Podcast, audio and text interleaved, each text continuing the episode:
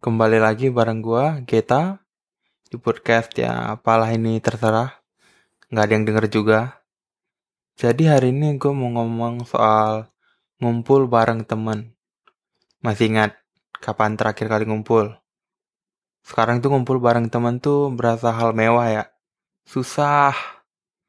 Pas kagak pandemi aja mau ngumpul udah susah. Apalagi sekarang dengan adanya PSBB. Tapi serius nih, sebenarnya ngumpul bareng teman itu buat apa sih? Ngapain sih? Guna nggak sih? Jadi sebelumnya gue mau cerita nih. Kemarin tuh gue ngumpul bareng temen gue. Biasanya sih kita nonton movie bareng di situ. Tapi kali ini enggak, kita cuma ngumpul di kosan. Salah satu teman gue ini, sebenarnya awal gue males. Karena alasan corona dan semacamnya. Ya, ya sebenarnya gue males lah. Males, males doang. Tapi berhubung udah lama nggak ketemu ya kan. Ya wes gue dateng. Kacamata oke. Tutup kepala oke. Masker oke. Sepatu sendal aja kali ya. Sesampainya di kosan temen gue, si dia pu yang punya kamar kos langsung nyuruh gue cuci tangan dulu. Bagus nih. Buat lo, lo pada juga, remember ya. Kebersihan itu bukan cuma sebagian dari iman, tapi juga menjaga orang yang terdekat dari virus. Jadi fungsinya bukan buat diri lu sendiri doang, Nah, udah cuci tangan. Gue masuk ke kamar kosnya. Mereka tuh lagi ngupas bawang dong. Dan motong cabe kayaknya. Nggak tahu juga, nggak terlalu merhatiin juga gue. Gue pikir mau masak. Langsung gue pikir, duh. Udah deh, gue diam aja senyum-senyum liatin mereka masak. Gue duduk. Kebetulan teman gue tuh punya karpet yang halus gitu tau gak sih? Yang lembut gitu. Tapi sayang nggak terlalu lembut. Mungkin jarang dicuci kali ya sama dia. Srek. Udah gua duduk.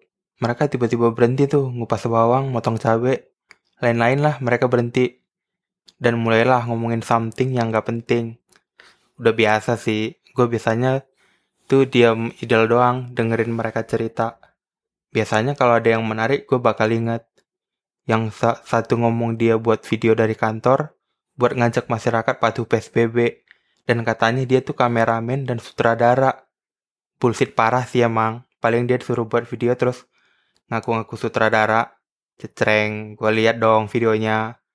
Karya teman gue ini gue mau ngejudge parah supaya dia malu. Malas kalau dibilang bagus amazing dan lain-lain. Tuh cuman kata-kata buat teman-teman yang fake ya kan cuman muji-muji nah di video ini tahu gak sih dia ngapain guys jadi ada orang nih sebagai modelnya itu melakukan transaksi di bank pakai masker terus pulang naik motor pakai masker, terus lastnya masuk kamar tapi semprot hand sanitizer dulu sebelum masuk. Terus udah roll kredit. Ya gue mau komen apa guys? Otak gue tuh stuck. Ini apa-apaan video begini? Gue kasih nilai 7 dari 10 lah. Mungkin gue juga kalau buat video pasti nggak niat. Karena nggak jadi masak. Kita pesan makanan dong.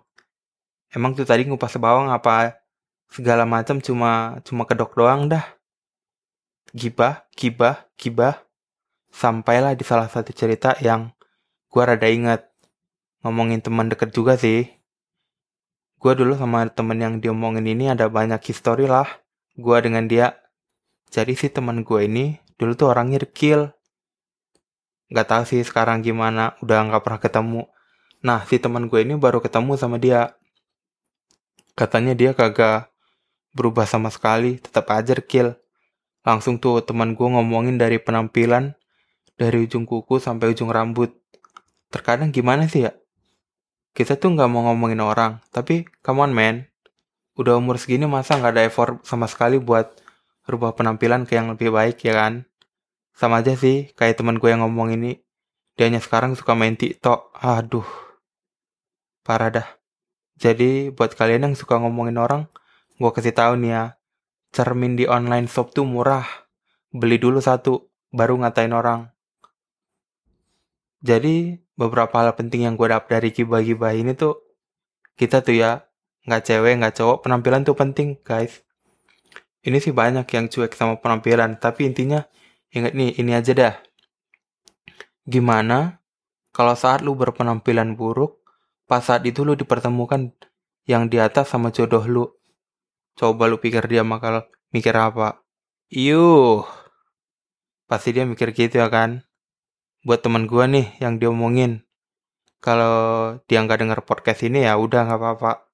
Kalau denger ya gua nggak maksud menjelek-jelekan lu.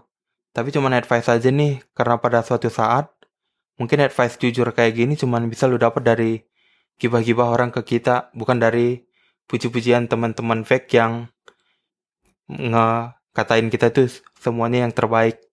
Nah, itu aja buat podcast malam ini. Thanks.